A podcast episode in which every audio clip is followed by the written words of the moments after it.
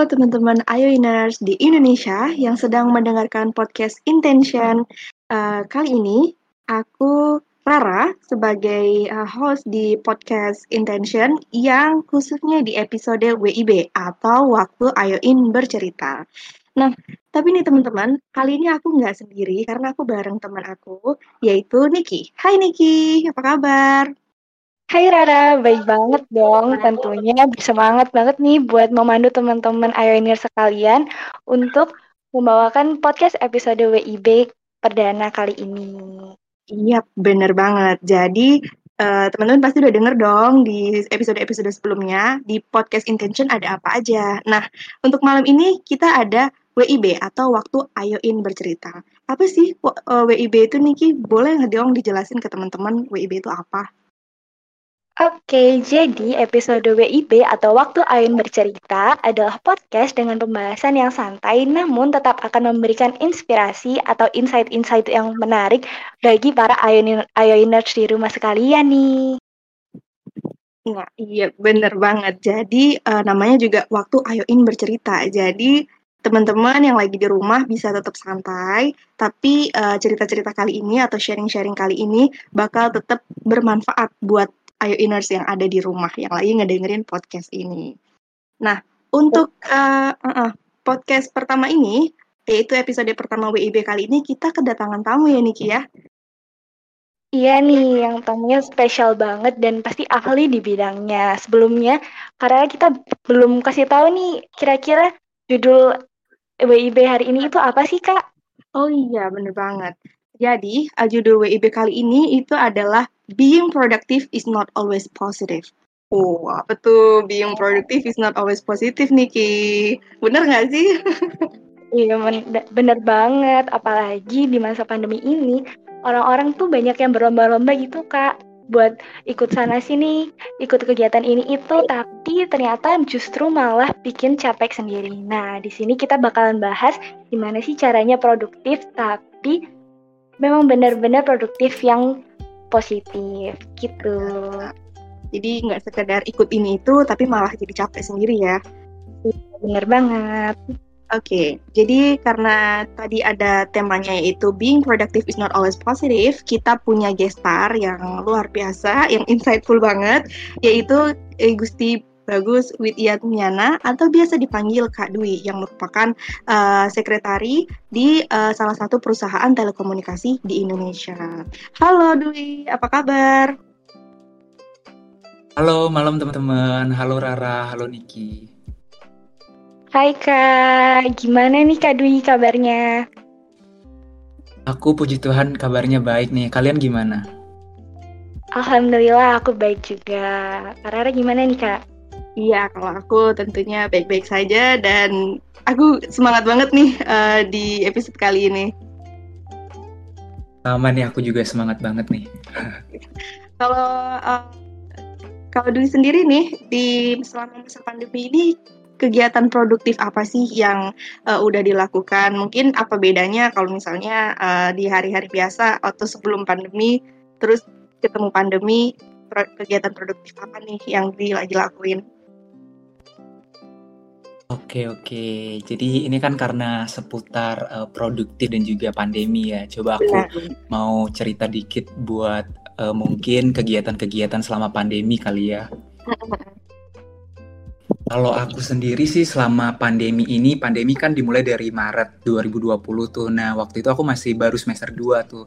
Aku masih ikut organisasi-organisasi gitu deh di Malang. Karena aku kan kuliahnya di Malang tuh.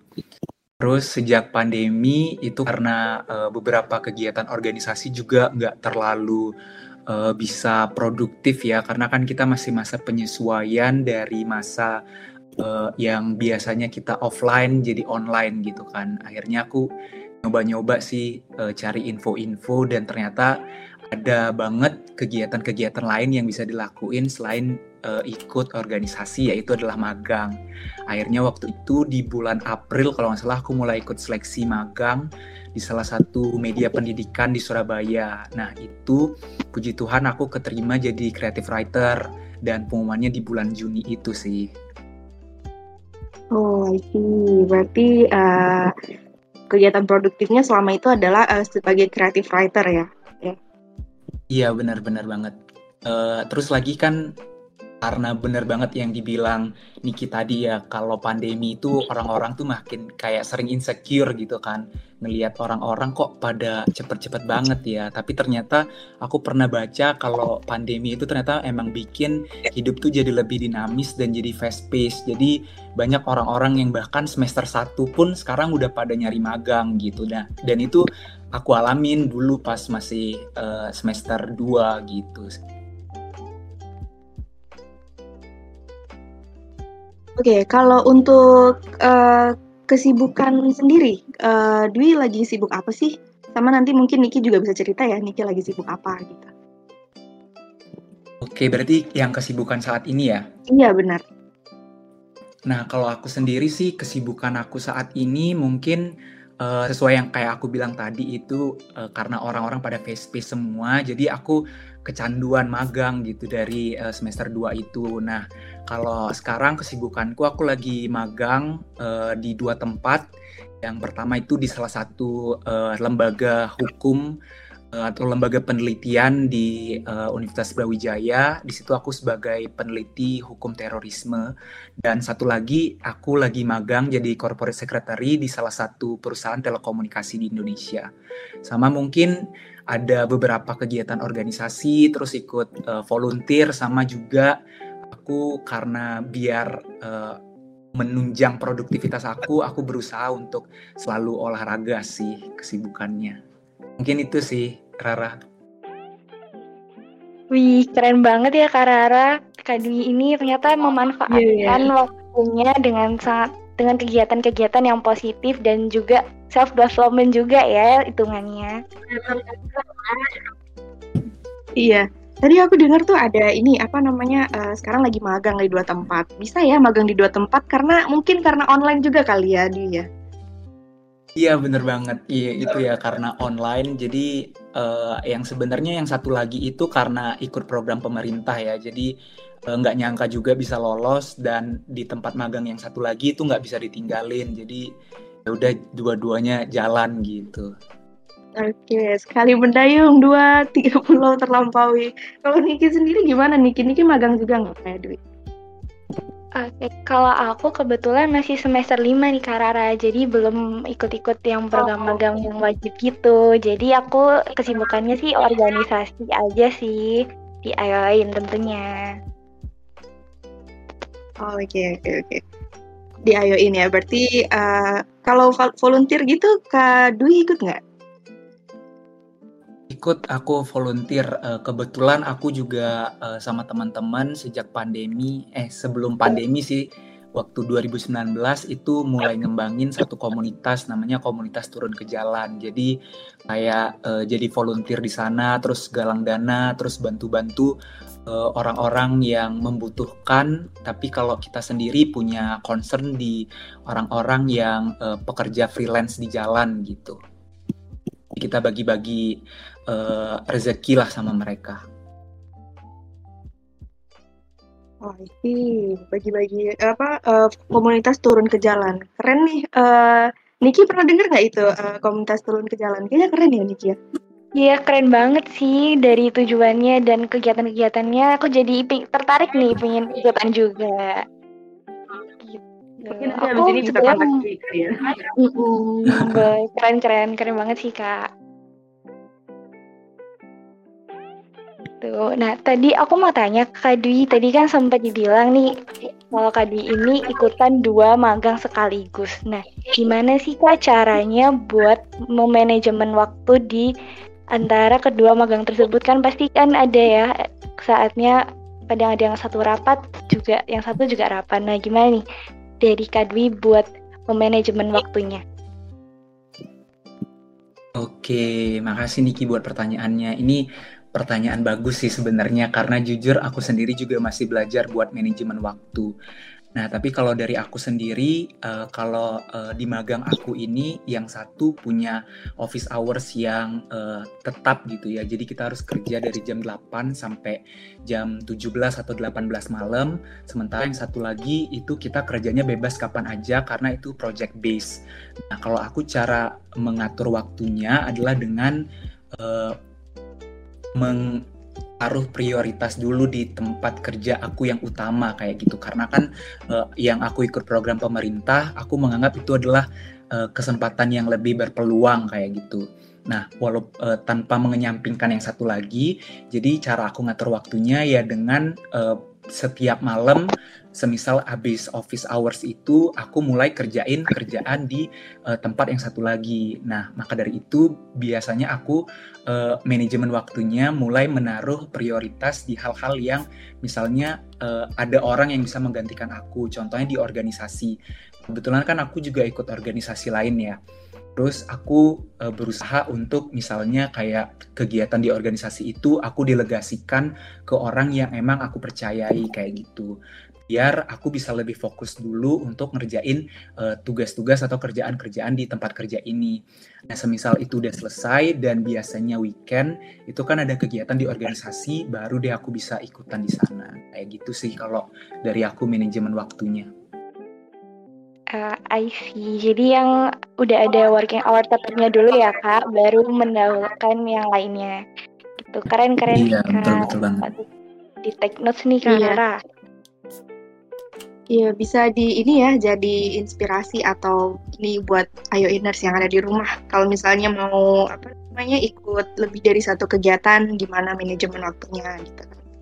Ini uh, sebenarnya kan tadi tuh kita uh, bakal kita sekarang bakal ngebahas soal produktif itu apa gitu kan. Jadi kalau untuk uh, diri sendiri nih, uh, di pribadi, uh, produktif tuh apa sih sebenarnya gitu dan uh, gimana kayak gitu. Oke, ini tentang productivity ya berarti sekarang. Kalau menurut aku sih produktif itu kita tuh tahu ya kegiatan-kegiatan apa aja yang akan kita lakukan dan itu kita taunya jelas. Jelas maksudku itu kayak kita tahu nih sebenarnya tujuan dari kita melakukan itu apa, terus juga uh, kita tuh bisa menyeimbangkan semuanya itu Eh, nggak uh, cuma kegiatan-kegiatan itu aja, tetapi berbagai aspek lain dalam hidup kita berdasarkan prioritas yang kayak uh, manajemen waktu yang aku jelasin tadi sih. Jadi kayak kita tuh harus tahu nih porsi masing-masing uh, dari hal-hal yang kita kerjakan setiap harinya. Terus kita harus tahu tujuannya apa. Terus juga kalau produktif menurut aku yang membedakannya itu ya kita tuh harus uh, tidak meninggalkan tanggung jawab yang kita emban. Nah, terus misal nih kayak kita semua pasti punya kan tanggung jawab yang udah harus kita kerjakan apalagi sekarang uh, masih tinggal di rumah orang tua gitu pasti kayak kadang tuh kita disuruh saya punya tugas bersih-bersih rumah atau uh, yang lain yang lainnya nah menurutku itu tuh kalau produktif ya tidak meninggalkan kegiatan-kegiatan itu karena kalau produktif yang uh, versi aku ya itu kita harus tetap menjalankan tanggung jawab yang emang udah kita emban dari awal gitu. Juga mungkin kalau produktif tuh ya kita tetap uh, enjoy sama hidup kita kayak uh, kita tetap bisa hiburan dapat hiburan gitu ya kayak kita dapat jalan-jalan terus olahraga bergaul sama temen. Nah dan tuh produktif uh, orang kan beda-beda ya kayak ada yang misalkan lama melakukan sesuatu kegiatan kayak gitu tapi produktif itu juga nggak harus yang kayak misalnya cari hiburannya itu nggak harus yang kayak buang-buang waktu buat sesuatu yang sebenarnya nggak perlu-perlu banget gitu. Misal kayak uh, main sosmed terus-terusan terus kayak uh, main game terus-terusan. Kalau menurutku sih itu namanya kan jadi nggak produktif ya. Jadi kalau produktif yang uh, versi aku atau versi pemahaman aku ya kita melakukan sesuatu itu secara jelas dan tahu tujuannya gitu dan juga mungkin nggak berlebihan ya karena kita kan harus mengatur waktu buat kegiatan lain itu sih mungkin Rara sama Niki Iya, jadi oh. uh, kalau oke, okay. jadi gimana nih Niki? Uh, kalau dari yang uh, Dwi sampaikan tadi, Niki setuju nggak sih kalau produktif itu kayak gitu? Setuju banget sih, apalagi tadi Kak Dwi sempat mention kalau kita tuh harus menjalankan sesuatu secara tanggung jawab dari awal. Nah, apalagi di masa pandemi ini kayak tadi yang udah diminta Dwi kalau orang-orang tuh semakin berlomba-lomba buat semakin produktif tapi dengan enggak uh, memperhatikan tanggung jawab mereka gitu kita cuma ingin oh, pokoknya ingin tampil produktif di orang di mata orang-orang lain tanpa mengukur kemampuan pribadi kita gitu nah karena tadi udah disinggung nih tentang si kesibukan-kesibukan. Nah, aku mau tanya dong ke Kak Dwi, kalau bedanya produktif sama sibuk itu gimana sih, Kak? Oke, oke. Wah, ini pertanyaan menarik banget sih, tapi aku mau coba jawab berdasarkan sepenglihatanku dari teman-temanku aja kali ya, karena aku juga nggak tahu-tahu banget sebenarnya tentang bedanya gitu.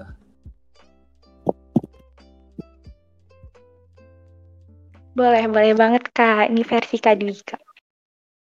Oke, siap-siap. Kalau berdasar yang aku lihat nih dari teman-temanku, anggap deh si A itu orangnya produktif, si B itu orangnya sibuk gitu ya. Kalau menurutku uh, produktif dan sibuk itu bedanya di beberapa hal ya. Kayak misalnya kalau yang pertama mungkin uh, itu di prioritas. Nah, kalau orang-orang yang uh, produktif itu biasanya menurutku sih bisa memilah mana hal-hal yang harus diprioritaskan atau harus mereka bisa uh, bisa mereka tunda gitu. Sementara kalau orang sibuk, menurutku itu biasanya cenderung pingin semuanya biar jalan gitu. Nah, terus kalau orang produktif tuh dia uh, rela buat meninggalkan uh, beberapa hal yang sebenarnya nggak penting-penting banget gitu. Jadi kayak mereka menunda kegiatan-kegiatan itu buat uh, ngejalanin aktivitas yang sebenarnya lebih penting daripada kegiatan yang bisa ditunda itu. Sementara kalau orang sibuk biasanya tuh kayak sering multitasking gitu ngerjain ini itu secara bersamaan. Nah, itu sih mungkin kalau bedanya uh, dari segi prioritas ya. Terus hmm. mungkin kalau dari uh, yang bisa aku jelasin juga mungkin kapasitas sih.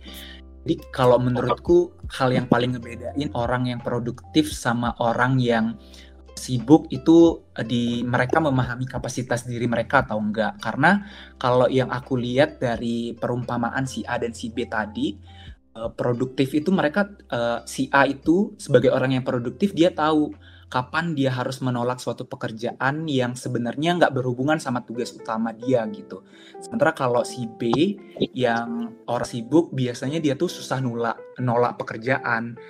Uh, jadi kayak entah mereka adalah yes man atau people pleaser kayak gitu ya. Jadi di sini menurutku kalau aku sendiri nih aku punya uh, prinsip yang mungkin bisa aku sharing juga ke teman-teman Ioin yang dengerin nih. Kalau prinsip aku tuh, aku harus melakukan sesuatu, eh, apa yang aku mulai itu juga yang harus aku selesaikan. Nah, jadi kalau menurut aku, semisal ada tawaran nih dari orang eh, ngasih kerjaan ke kita, aku balik lagi ke prinsip aku tadi itu. Jadi kalau aku emang nggak bisa ya udah aku bakal tolak aja karena daripada uh, misalnya aku nggak bisa menyelesaikan itu dengan baik, jadi lebih baik aku nggak terima tawarannya. Mungkin kayak gitu sih sama mungkin yang terakhir kalau orang produktif hidupnya pasti jauh lebih teratur daripada orang-orang yang cuma sekedar sibuk aja. Itu sih mungkin Niki sama Rara. Mungkin kalau kalian ada tanggapan nggak Oke, uh, setuju banget sih apa yang dibilang Dwi. Jangan sampai uh, ini ya, kita tuh banyak banget kegiatannya, tapi malah kita nggak conscious gitu. Kita malah nggak sadar kalau ternyata kita tuh lagi melakukan kegiatan tersebut. Bener nggak sih Dwi? Kayak misalnya kita nih ikut tiga kegiatan, tapi kita tuh bener-bener ya udah uh, cuman menjalankan kegiatan itu doang, nggak sadar. Ya cuman pengen biar ada kegiatan aja. Jangan sampai kita jadi orang yang kayak gitu kali ya, uh, Dwi. Bener-bener, bener banget sih. Nah, kalau Niki sendiri gimana Niki? Setuju banget sih kak, karena kan yang udah tadi aku bilang juga ya, karena di sini tuh kadang tuh kita suka berlomba-lomba buat banyak-banyakan kegiatan gitu. Sedangkan sebenarnya kita tuh bisa juga kok mengoptimalkan satu kegiatan yang kita ikutin, tapi dengan cara yang emang terstruktur dan bisa juga kita mengoptimalisasi kemampuan kita di kegiatan tersebut. Kayak gitu sih kak kalau aku. Hmm. Terus juga aku uh, senang nih tadi dengar uh, prinsipnya Dwi. Kalau misalnya uh, kalau kita melakukan sesuatu yang udah kita mulai ya udah apa yang kita mulai itulah yang harus kita selesaikan gitu ya. Jangan sampai karena kita banyak ketipu. Terus kegiatan yang kita mulai itu malah kita nggak selesai yang ada malah kita lepas tanggung jawab. Itu uh, sangat sangat tidak disarankan ya buat kita kita apalagi sebagai mahasiswa gitu ya kan Iya betul banget betul banget kan di sini juga uh, kita belajar buat jadi orang yang bertanggung jawab gitu ya jadi kayak kalau menurutku ya lebih baik menolak uh, karena emang yakin kita nggak bisa daripada kita bilang iya iya aja tapi ternyata emang nggak bisa dan jadi nggak uh, selesai gitu. Hmm, benar. Nah terus uh, kan tadi udah tuh kita udah tahu nih bedanya uh, produktif sama sibuk. Nah sekarang nih uh, aku mau tahu dong kalau Dwi ini selama magang kan tadi udah disebutin nih Dwi ini magang gitu kan. Ada nggak sih uh, pengalaman unik waktu magang gitu? Mungkin bisa diceritain biar teman-teman Ayo Inners uh, bisa tahu gitu dan bisa belajar dari pengalaman Dwi. Oke oke ini berarti pengalaman unik tentang magang ya. Hmm, hmm sebenarnya tuh dari kan aku uh, udah pernah magang di tiga tempat yang berbeda nih ya. Jadi sebenarnya di tiga tempat itu ya pengalamannya juga beda-beda dan masing-masing ada pengalaman uniknya juga sih gitu. Tapi kalau mungkin uh, disuruh ceritain pengalaman yang paling unik pas kerja atau pas magang itu mungkin pengalaman aku pas magang di salah satu media pendidikan yang di Surabaya itu sih karena waktu itu kan aku jadi creative writer di sana dan aku uh, nulis untuk website mereka. Jadi dulu tuh aku pernah yang nulis uh, sesuatu uh, satu artikel gitu ya. Dan itu emang artikelnya agak susah risetnya karena artikel itu pas aku cari dari keyword itu belum ada yang pernah publish sementara orang-orang tuh kayaknya pada butuh itu gitu. Akhirnya aku coba buat artikel itu dan ternyata benar waktu itu artikel itu bahkan viewersnya itu sampai uh, ratusan ribu lebih dalam seminggu. Padahal tuh aku buat nentuin target kayak misalnya 10 ribu viewers aja per minggunya itu susah banget. Tapi nggak tahu waktu itu satu artikel itu doang yang paling bener-bener outstanding. Mungkin karena dibutuhin sama masyarakat ya. Dan dari sana tuh kayak uh, karena kan di website itu kelihatan tuh nama penulisnya siapa. Jadi waktu itu aku pernah iseng di minggu itu aku ketik nama aku sendiri dan rata-rata ya nama aku keluar jadi keluar dari artikel itu mungkin itu sih pengalaman unik aku yang menurutku berkesan banget sih sampai sekarang karena kayak nggak nyangka juga bisa sampai kalau orang-orang Twitter bilang debut kali ya debut Oke, okay. keren sih Kade. Aku dengarnya keren ya Niki ya uh, bisa nyampe ratusan ya, ribuan viewers gitu lah uh, yang baca gitu. Karena uh, sebenarnya ya aku setuju kalau misalnya uh, kita tuh juga harus berkontribusi gitu ya untuk masyarakat. Mungkin yang Dwi lakukan ini adalah salah satu bentuk kontribusinya Dwi gitu. Jadi apa yang mereka butuhkan kebetulan uh, Dwi bikin gitu. Jadi jadi banyak gitu viewersnya ya nggak sih Niki? Iya benar banget. Justru karena tadi pengalamannya susah riset artikel justru buat challenge buat diri sendiri juga ya kak buat ngedevelop diri sendiri benar buat, benar benar buat suatu karya yang keren banget. Keren banget sih. Ini patut dicontoh ya Ioners iya uh, dari mulai iseng-iseng eh jadinya berkah gitu ya. Kita anggap ini adalah suatu keberkahan gitu. Nah uh, untuk uh, produktif sendiri dan sibuk produktif dan sibuk gitu kan uh, pasti kalau orang produktif tuh adalah uh, rasa-rasa capeknya gitu ya kan. Ada di masa-masa mereka itu uh, kita itu akan merasa lelah gitu atau uh, lagi downside-nya lah gitu. Tapi um, kadang nih kita nih dituntut buat kayak uh, tetap stay positif aja gitu. Kayak kalau kita capek kita kadang nih seringnya denial gitu loh kayak bilang enggak sih nggak apa-apa aku masih bisa aku masih bisa lanjut tapi ternyata nih ini tuh adalah bagian dari uh, toxic positivity yang mana yang aku tahu ya toxic positivity itu adalah kita dituntut buat stay positif padahal kita lagi nggak baik-baik aja atau lagi uh, sedang ada di yang tadi aku bilang di downside-nya gitu. Nah, gimana pendapatnya Dwi soal toxic positivity ini? Oke, wah Rara ini aku uh, suka banget sih sama topik yang sekarang kalau kita bahas toxic positivity ya. Mungkin ini tentang pendapatku sih tentang toxic positivity. Uh, kalau aku sendiri, aku jujur orangnya sering pesimis gitu ya. Jadi aku kurang sepakat sama orang-orang yang terlalu spreading positivity tanpa mengenal seseorang lain uh, orang lain secara personal gitu kayak bilang yuk bisa yuk yuk bisa yuk. Padahal tuh kayak mereka tuh nggak kenal kita gitu kan. Benernya tuh kalau menurutku toxic positivity itu ya keadaan di mana kita tuh tet, uh, dituntut untuk tetap bisa positif di segala situasi. Misal kalau kita nggak bisa ngelakuin sesuatu dan kita terus dibaksa buat uh, po berpikir positif aja biar uh, bisa. Padahal ya sebenarnya kita tuh emang nggak bisa kayak gitu. Dan menurutku kadang uh, toxic positivity ya emang beneran bakal uh, bisa jadi toxic buat orang lain tapi kalau menurutku secara pribadi ya toxic positivity itu bisa juga uh, berada pada dua hal ya karena uh, antara beberapa orang yang emang menilai kita toxic padahal kita sebenarnya nggak toxic atau memang diri kita sendiri nih yang emang udah uh, kelewat batas dari menjadi positif yang sesungguhnya. Kayak gitu sih Rara sama Niki. Kalau menurut kalian gimana di topik uh, tentang toxic positivity ini? Oke, mungkin dari Niki nih bisa kasih pendapat soal toxic positivity.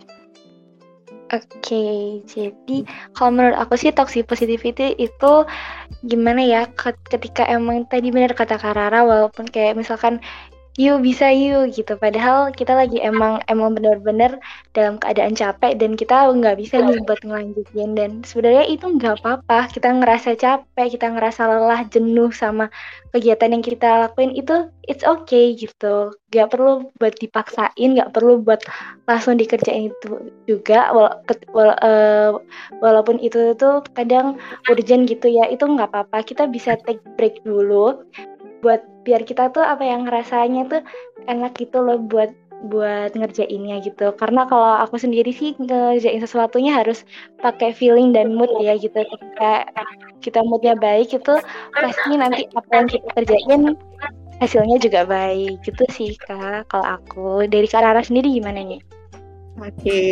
uh, eh, aku juga setuju nih sama Dwi sama Niki kalau ya, kita tuh nggak bisa selalu terus-terusan menjadi orang yang uh, positif gitu. Dalam hal kalau misalnya itu tadi uh, apa ya uh, kalau misalnya kita lagi nggak baik-baik aja ya ya sudah it's okay to not be okay gitu. Nggak harus yang kita memuaskan orang lain yang kayak uh, kita show kalau kita tuh nggak apa-apa gitu.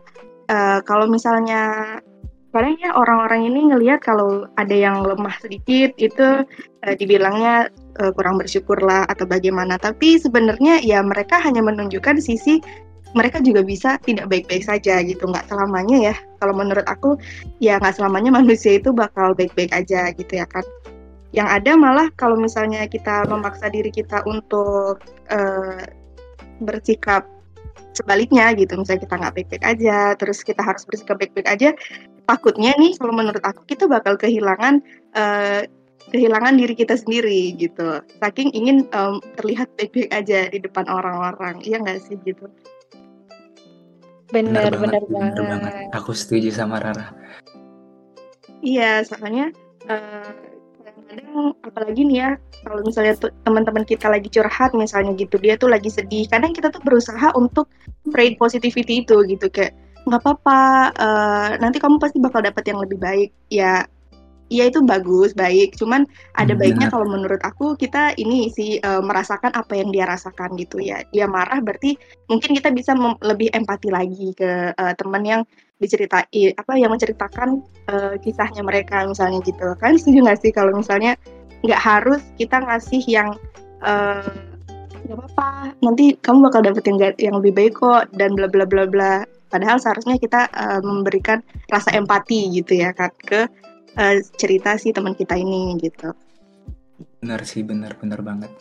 Jadi kayak kalau menurutku ya, uh, kalau ada orang yang cerita gitu sama aku, aku lebih memilih untuk kayak udah nggak apa-apa nangis aja gitu karena emang emang lagi sedih kan daripada dipaksa buat nggak sedih ya itu malah jadi toksik kan dia mm -hmm. kadang aku emang kalau ada orang cerita kayak gitu ya udah suruh nangis aja karena nangis itu ya adalah emosional orang ya. Dan semua berhak aja buat nangis gitu. Betul betul banget sih kak kalau gitu misalkan juga kita bisa ngasih space mungkin atau daripada kita cuma bilang iya kamu nggak apa-apa kok kamu nggak apa-apa gitu. Padahal emang keadaannya emang lagi nggak kenapa-napa nih dan padahal itu juga it's it's okay it's normal gitu.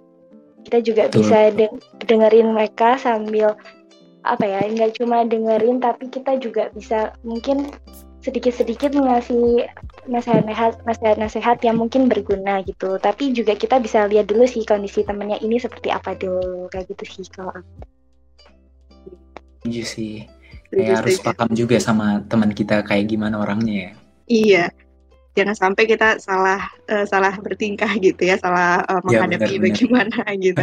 Nah, kalau untuk uh, Dwi sendiri nih, uh, pernah nggak sih mengalami uh, toxic positivity gitu? Entah mungkin di dirinya uh, di Dwi atau mungkin Dwi pernah melakukan toxic positivity ke temennya atau gimana gitu? Boleh dong diceritain biar Ayo Iners di Indonesia yang lagi dengerin di rumah nih pada tahu uh, pengalaman toxic positivity yang pernah Dwi alami.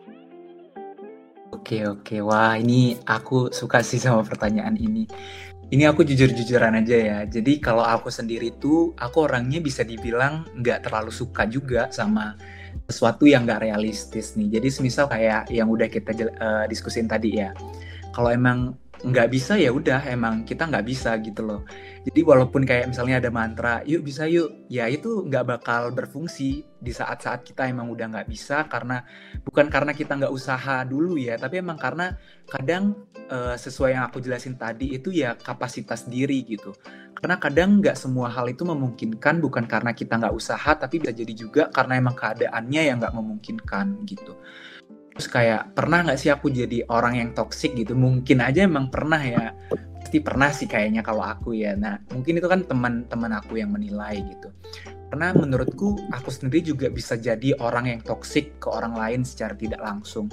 Misal nih kayak aku misalnya aku ikut magang sekarang lagi magang di dua tempat gitu ya. Aku kadang misalnya uh, sharing daily activities aku aja sebagai intern di salah satu perusahaan gitu Terus kadang orang-orang lain tuh kan bisa aja ngelihat uh, kita kayak oh dia enak banget ya hidupnya gitu. Terus mereka jadi merasa tertinggal atau merasa insecure atau apa pun gitu. Nah, di sana kan aku kesannya bah, uh, sharing toxic positivity juga ya kayak aku kelihatannya bakal jadi toxic buat mereka di mana mereka bukannya malah terencourage buat berusaha tapi mereka malah jadi ini itu jadi beban gitu. Nah, di sana kan aku posisinya sebagai orang yang toksik tapi ada juga orang-orang yang menganggap oh ternyata uh, dengan aku sharing kayak gitu aku tuh sharing impact juga ke mereka karena kayak mereka tahu nih sebenarnya possible banget buat kita misalnya uh, magang di salah satu perusahaan gitu. Mungkin kayak gitu sih kalau dari pengalamanku tentang toxic positivity ya Oke, kalau uh, Kaniki sendiri nih uh, menanggapi toxic positivity yang pernah dialami sama Dwi, kira-kira uh, Kaniki ini uh, pernah nggak ya mengalami uh, hal yang sama atau serupa gitu sama, sama Dwi? Gitu. Oke, okay. kalau dari aku sih pernah ya jujur toxic positif ini uh, gimana ya?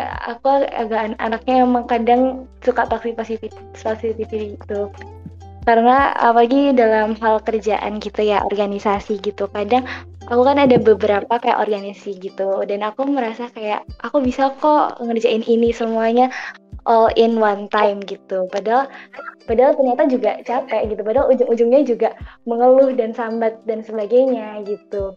Dan menurut aku itu gimana ya kita harus lebih aware sih sama diri kita sendiri. Kita nggak boleh terlalu nge-push diri kita gitu. Kita harus lebih ngerti kalau misalkan kita tuh punya lo kapasitasnya capeknya segini gitu waktu-waktu produktifnya segini gitu. Jadi kita nggak boleh terlalu ngepush diri sendiri dan harus lebih apa ya menyayangi diri sendiri. Kayak gitu sih cara jadi uh, sebenarnya uh, dengan kita paham nih apa itu positivity secara nggak langsung kita belajar juga buat self love gitu ya untuk uh, mencintai diri sendiri gitu. Uh, lebih menjaga diri sendiri ya nggak sih teman-teman? Benar sih benar banget. Oh. self love itu penting banget sih. Iya. Jadi kalau uh, kita tadi tadi udah share pengalaman nih soal toxic positivity. Nah kalau Dwi sendiri karena tadi karena uh, pernah mengalami uh, kira-kira kalau untuk mengatasi gitu uh, prevent buat kalau misalnya udah toxic positivity nih merasa dirinya udah toxic positivity atau mendapat toxic positivity dari orang lain atau lingkungannya, uh, cara ngatasinnya itu gimana sih Dwi? Oke, nah ini kalau dari aku sendiri ya, aku mau jujur sama semua pendengar di sini juga sih. Jadi kalau aku itu, aku orangnya suka banget ngeluh sih guys. Dan uh, aku tuh nggak segan buat ngeluh apa yang aku rasain. Misal aku capek ya udah aku bakal ngeluh aja gitu. Terserah sih kayak orang bilang apa ya, kayak misalnya kalau ngeluh di Instagram tuh kayak gak bersyukur banget sih kayak udah kerja di sana kok malah ngeluh banyak ini ya kerja emang susah bla bla bla bla. Aku ya udah nggak peduli juga gitu karena kalaupun aku sharing positivity-nya aja itu bisa toxic buat orang-orang. Kalau aku sharing yang negatifnya juga orang-orang uh, bakal tahu kayak bakal komen aja gitu. Jadi kalau aku sendiri ya biar orang-orang juga nggak menilai aku selalu kayak positif ya kadang aku sharing aja bener-bener pengalaman apa yang aku rasain. Kayak misalnya kalau aku ngeluh itu ya aku keluhin aja gitu loh. Terus misal kayak ngeluh di close friend Instagram kayak atau pas chat sama teman-teman gitu ya nggak apa-apa aja ngeluh. Dan di sini juga aku mau sharing satu uh, prinsip aku yang lain gitu ya. Jadi kalau misalnya kayak banyak prinsip tapi ini yang selalu aku pegang dari dulu setiap ngelakuin apa pun bahkan dari SMA ya itu adalah tidak apa mengeluh asal terus mengayuh. Artinya ya, it's okay banget buat ngeluh, keluarin emosi kalian, apa pun yang kalian rasain, sedih, nangis, apa pun luapin aja entah itu kalian mau cerita sama teman mau ngeluh sama teman mau cerita di Instagram kayak di personal space kalian kayak atau di mana pun itu ya it's okay. As long as kalian bakal tetap ngejalanin itu ngelakuin kerjaan itu karena balik lagi apa yang udah harus uh, udah kalian mulai ya emang itu yang harus kalian lakuin lagi kayak gitu Oke, jadi uh, tips dari Dwi ini adalah Eh, nggak uh, apa-apa kalau misalnya mau ngeluh gitu ya kan asal terus mengayuh. Ih suka banget aku sama iya, prinsipnya ya, keren.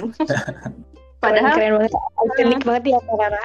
Iya iya, soalnya ini apa namanya benar yang Kak Dwi bilang aku setuju uh, soal ini apa tuh namanya kalau kita tuh nggak bisa terus-terusan jadi positif gitu. Ya.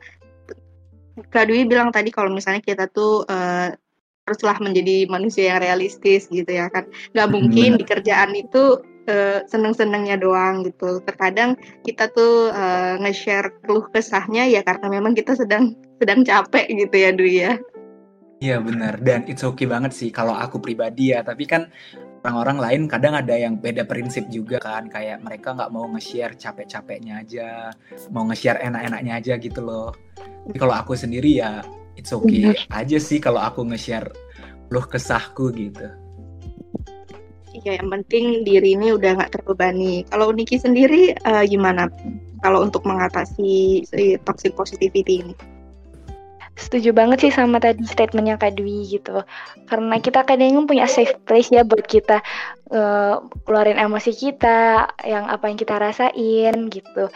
Dan itu juga menurutku satu satu tips yang emang aku lakuin juga sih kak kebetulan gitu. Kalau emang lagi capek ya ya udah gitu. Ya udah kita bisa cerita ke teman atau misalkan kita di close friend itu juga mungkin merupakan salah satu bentuk dari coping stress kali ya kak ya. Biar gimana ya nggak kita tuh nggak cuma terlihat oke okay, ngejalanin hidup dengan santai dengan posisi yang kelihatannya wah gitu bagi orang-orang gitu. Padahal sebe padahal sebenarnya juga kita juga ngerasain itu stres kita juga burn out dan segalanya kayak gitu ya sih benar banget Siapa uh, coba guys ya orang-orang zaman sekarang yang nggak ngerasain capek, burnout, semua pasti ngerasain kan. Benar. Apalagi di masa pandemi ini semua semua serba online, jadi kita screen time-nya lebih banyak di depan uh, laptop, HP gitu ya kan. Kadang oh. duduk di tempat berjam-jam gitu uh, rada stres juga ya. Kalau lama-lama banget. Apalagi kalau lagi buat karya tulis ya kan, wih kerasa banget sih stresnya. Capek encok. Punggung ya kan duduk lama-lama gitu. Kuliah aja kadang kalau dari pagi sampai sore misalnya ada tuh kuliah full gitu ya kan. Stres juga gitu gitu aja iya benar uh, cuman kalau menurut aku uh, kalau memang kita kan manusia beda-beda ya gimana cara menghadapi toxic positivity-nya. Nah, kalau mungkin aku sama kayak uh, Niki sama Dwi mungkin lebih senangnya tuh uh, meluapkan dengan cerita gitu. Cuman mungkin hmm. ada nih beberapa atau banyak juga yang bukan tipe cerita gitu orangnya ya kan. Cuman kalau udah memang bukan tipe yang cerita, kalau menurut aku uh, lebih ambil ini sih uh, some space gitu buat take a break gitu. Jadi mungkin nggak uh, harus terus-terusan kumpul bareng teman-teman gitu. Kalau memang mau rilis stres, uh, mungkin bisa uh, take a break gitu meditasi atau gimana pokoknya uh, walaupun kamu nggak cerita tapi kamu bisa rilis stresnya gitu kalau menurut aku. Gimana? Kalau iya, yang benar.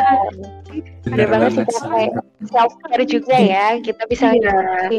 kegiatan-kegiatan yang misalkan atau bisa juga kita ketika stres itu kita bisa juga copingnya bisa kayak makan makanan favorit kita atau nonton film atau dengerin sekedar dengerin lagu itu pun juga bisa sih kak menurut aku. Iya, uh, soalnya emang bener, kita uh, nggak semuanya tipe yang suka cerita gitu ya nggak sih kadang ada nih iya. kalian yeah. punya nih teman-teman yang dia diem aja tapi uh, ternyata dia menyimpan banyak keluh kesah dan masalah gitu ya nggak sih teman-teman Iya sih bener karena kan nggak semua juga open buat cerita hal-hal mm. uh, hal kayak gini ya mungkin kalau kita tipe orang yang sama nih suka cerita sama orang terus kayak suka cerita di publik gitu. Tapi kan ada juga orang-orang yang lebih memilih untuk diam gitu ya. Dan emang bener emang kita harus take break buat uh, space kita sendiri. Kayak misalnya me time kayak gitu sih. Ya oke. Okay. oke. Okay. um, karena sepertinya kita udah banyak banget nih diskusi santai tapi bener-bener ada banget value-nya. Insya Allah ya semoga kira hmm. kira-kira ada nggak closing statement dari uh, Dwi yang bisa uh, ber yang bisa menginspirasi gitu buat Ayoiners yang lagi ngedengerin podcast ini di rumah mungkin ada advice or something yang bisa disampaikan kepada Ayoiners yang ada di Indonesia.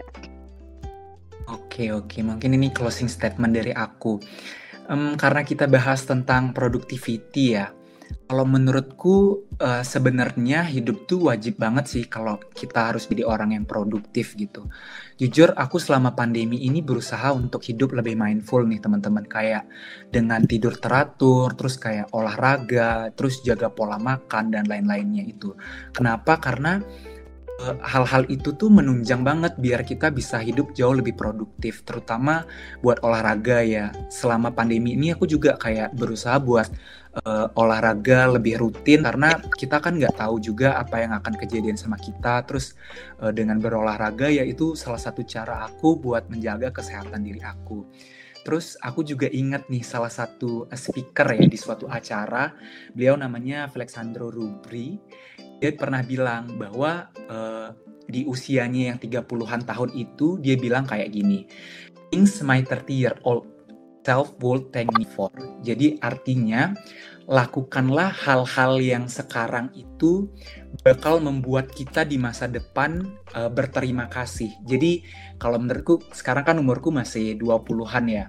Aku mau banget berusaha untuk jadi orang yang produktif biar nanti aku di umur 30, 40, 50 bersyukur dan berterima kasih buat diri aku di umur 20 yang sekarang. Mungkin itu sih closing statement dari aku. Semoga teman-teman dapat pelajaran atau uh, value dari apa yang aku sharing biar uh, kita semua bisa jadi jauh lebih produktif lagi. Itu Rara sama uh, Niki. Mungkin kalau kalian gimana nih nanggepinnya? Wih, keren banget. Iya. Gitu, setuju-setuju banget sih sama closing statementnya gitu. Mungkin kalau dari aku, produktif itu kita harus bisa mengukur kapasitas diri kita sendiri dan menentukan skala prioritas di antara kegiatan-kegiatan yang kita lakuin dan kita juga nggak boleh terus-terusan nge-push diri kita buat ngerjain semua all in one time. Kita juga harus tahu kita punya waktu istirahat dan kita punya waktu buat kegiatan di luar pekerjaan kita gitu. Kita juga punya teman-teman, kita punya keluarga dan kita punya kehidupan personal gitu. Walaupun di antara kesibukan-kesibukan itu kita tetap harus membagi waktu buat mereka dan juga buat diri kita sendiri kayak gitu. Mungkin kalau dari Karara ada tambahan lagi? Um, kalau dari aku, aku hanya ingin menambahkan kalau misalnya uh, jangan lupa istirahat setelah kalian melakukan kegiatan-kegiatan yang panjang dan jangan pernah merasa menyesal kalau kalian telah melakukan sesuatu yang baik. Karena uh, kadang kita ini nggak uh, bisa lihat apa yang kita lakukan tapi orang yang menilai kita gitu ya kan. Jadi sebisa mungkin uh, kita lakukanlah uh, atau do contribute gitu to our environment sebagai mahasiswa apalagi. Uh, semoga kita tuh nggak cuma sekedar jadi orang yang banyak kegiatan, tapi itu tadi kita bisa jadi produktif, uh, bermanfaat buat orang banyak dan jangan lupa istirahat. Pokoknya jangan sampai banyak kegiatan terus kita malah nggak sempet ngapain. Pokoknya jangan lupa liburan teman-teman, jangan lupa benar, liburan benar, kan nggak harus traveling ya, liburan kan nggak harus traveling gitu ya. Bisa me time atau makan coklat, makan es krim itu kayaknya menurut aku udah healing lah gitu dari yeah. take rest gitu dari kegiatan-kegiatan yang panjang gitu. Work hard, play hard ya kayak. Ya? Iya, work hard, play hard. Nonton film aja tuh udah uh, lumayan healing ya sekarang. Iya, apalagi ya, sekarang zamannya Netflix ya, banyak Netflix gitu, yeah. dan Netflix. Oke, okay.